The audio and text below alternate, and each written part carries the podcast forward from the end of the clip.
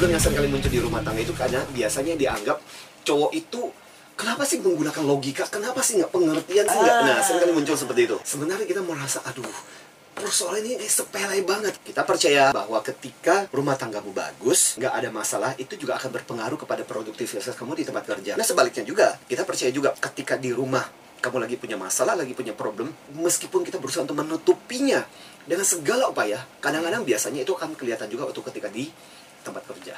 Gini deh, saya mulai dengan cerita-cerita beberapa kasus, beberapa situasi. Contoh, si ibu ini cerita bahwa perkawinan saya itu seperti kayak hidup segan mati tak mau. Buat dia, alasan dia untuk bertahan dengan pasangannya itu hanya semata-mata demi anaknya. Waktu liburan tahun baru yang lalu, masing-masing membawa anak kesayangan kembali ke kampung halamannya masing-masing. Jadi ada dua anak, si ibu bawa anaknya kesayangannya ke mana, suaminya bawa ke mana. Dan si suami menurut si ibu ini mulai menjelek-jelekan dirinya di depan teman dan keluarga. Waktu si bungsu itu dirawat di rumah sakit gara-gara keracunan makanan, jadi itu sama suaminya sempat dijadikan sebagai isu besar sebagai wanita karir yang tidak peduli dengan anak.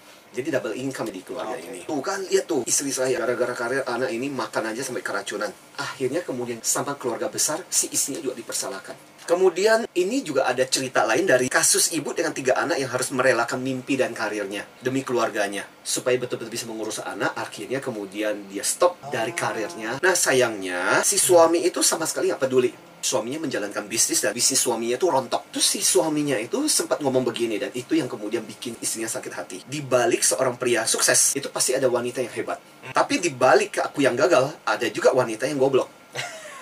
Ya. Menyakitkan banget ya. Apa saja racun-racun yang perlu diwaspadai? Ini menurut siapa nih? Marnie Kinris ini adalah salah satu konselor perkawinan di Amerika yang terkenal dan dia menyebut ini sebagai tanda-tanda yang mesti kita waspadai. Yang pertama adalah dikatakan kalau udah mulai saling menyerang. Kalau bicara menyerang itu macam-macam kan? Ah, ah, ah. Bisa secara verbal. Gara-gara kamu, was, gara-gara. Oh, Ya, itu kan oke. bentuk menyerang. Bahkan menyerang itu bukan cuma secara verbal, tatap muka. Bisa juga penyerangan itu terjadi di sosmed. Sekarang kan jangan sosmed. Kebayang nggak sih? Menyerang apalagi dalam kondisi front yang terbuka. Itu perang terbuka itu. Ujung-ujungnya terjadi kan mulai luka batin nih. Mulai sakit hati. Ujung-ujungnya kan saling membalas. Balas, membalas, membalas. Akhirnya kemudian berantakan. Tanda kedua, ketika salah satu pasangan kita kemudian harus ekstra berhati-hati ketika harus ngomong sesuatu. Biasanya kalau kita berpura-pura itu menggunakan topeng itu mungkin di tempat kerja, apalagi Iya. dengan orang yang kita belum kenal, karena harus super ekstra hati-hati. Tapi kebayang nggak sih di rumah yang seharusnya tempat yang paling safe buat kamu, kamu aja harus menggunakan topeng, kamu aja harus berhati-hati dengan apa yang kamu ucapkan karena sedikit aja bisa memicu kemarahan. Titik ketiga adalah udah nggak ada pujian lagi. Isinya cuma kata-kata celaan, kritikan, nggak ada lagi apresiasi sama sekali. Dan itu berbahaya banget. Yang dikatakan gini, ketika pasangan hidup bersama-sama itu membuat kamu justru semakin jauh dari mimpi, aktualisasi atau sesuatu yang membuat kamu bermakna.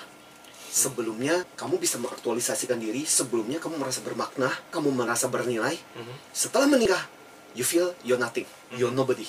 Nah ini yang kadang-kadang menyebabkan akhirnya salah satu pasangan jadi depresi. Mungkin selama ini tidak memberikan lagi waktu atau tidak Ya, memberikan lagi ya. perhatian. Nah ini yang kemudian missing. Akhirnya curhat sama orang lain. Merasa nyaman, pacaran. Yes. Yang lain, pasangan mulai ada kebiasaan yang berlebihan, tapi cenderung jadi negatif. Contoh, cemburu berlebihan, posesif berlebihan. Jadi orang kemudian menjadi sangat terikat, nggak bisa berekspresi, nggak bisa melakukan apa pun. Akhirnya kemudian nyuri-nyuri untuk mendapatkan kebebasan. Lebih baik diomongin, dibicarakan secara terbuka apa sih harapannya, apa ekspektasinya. Ciri yang lain, kalau pasangan kita yang dulunya waktu pacaran itu masih perhatian, Ah. Ih sayang, kamu udah makan belum? Kamu harus makan dong. Kalau nggak makan nanti kamu mati. Zaman pacaran tuh perhatian banget. Setelah menikah, cuek banget. Dan terakhir, ciri yang ketujuh, kata si Manikin Riz, adalah ketika pasangan itu membawa ranah permasalahan ini ke umum. Keluarga jadi tahu, keluarga besar jadi tahu, teman-temannya yang tadinya tidak tahu, tiba-tiba jadi tahu. Akhirnya kemudian pasangan yang satunya lagi membalas. Dia ngomong kayak gitu, udah dia juga cerita lah. Akhirnya balas membalas. Bagaimanapun juga, sebuah perkawinan itu jangan sampai menghambat masing-masing pasangan untuk tetap merasa dirinya bermakna dan beraktualisasi. Kalau enggak, yang muncul adalah depresi. Makanya sebenarnya yang perkawinan itu sampai jangan mengikat banget. Tapi juga tetap harus sadar bahwa ketika udah punya komitmen untuk berkeluarga, ya kita harus membagi-bagi waktu.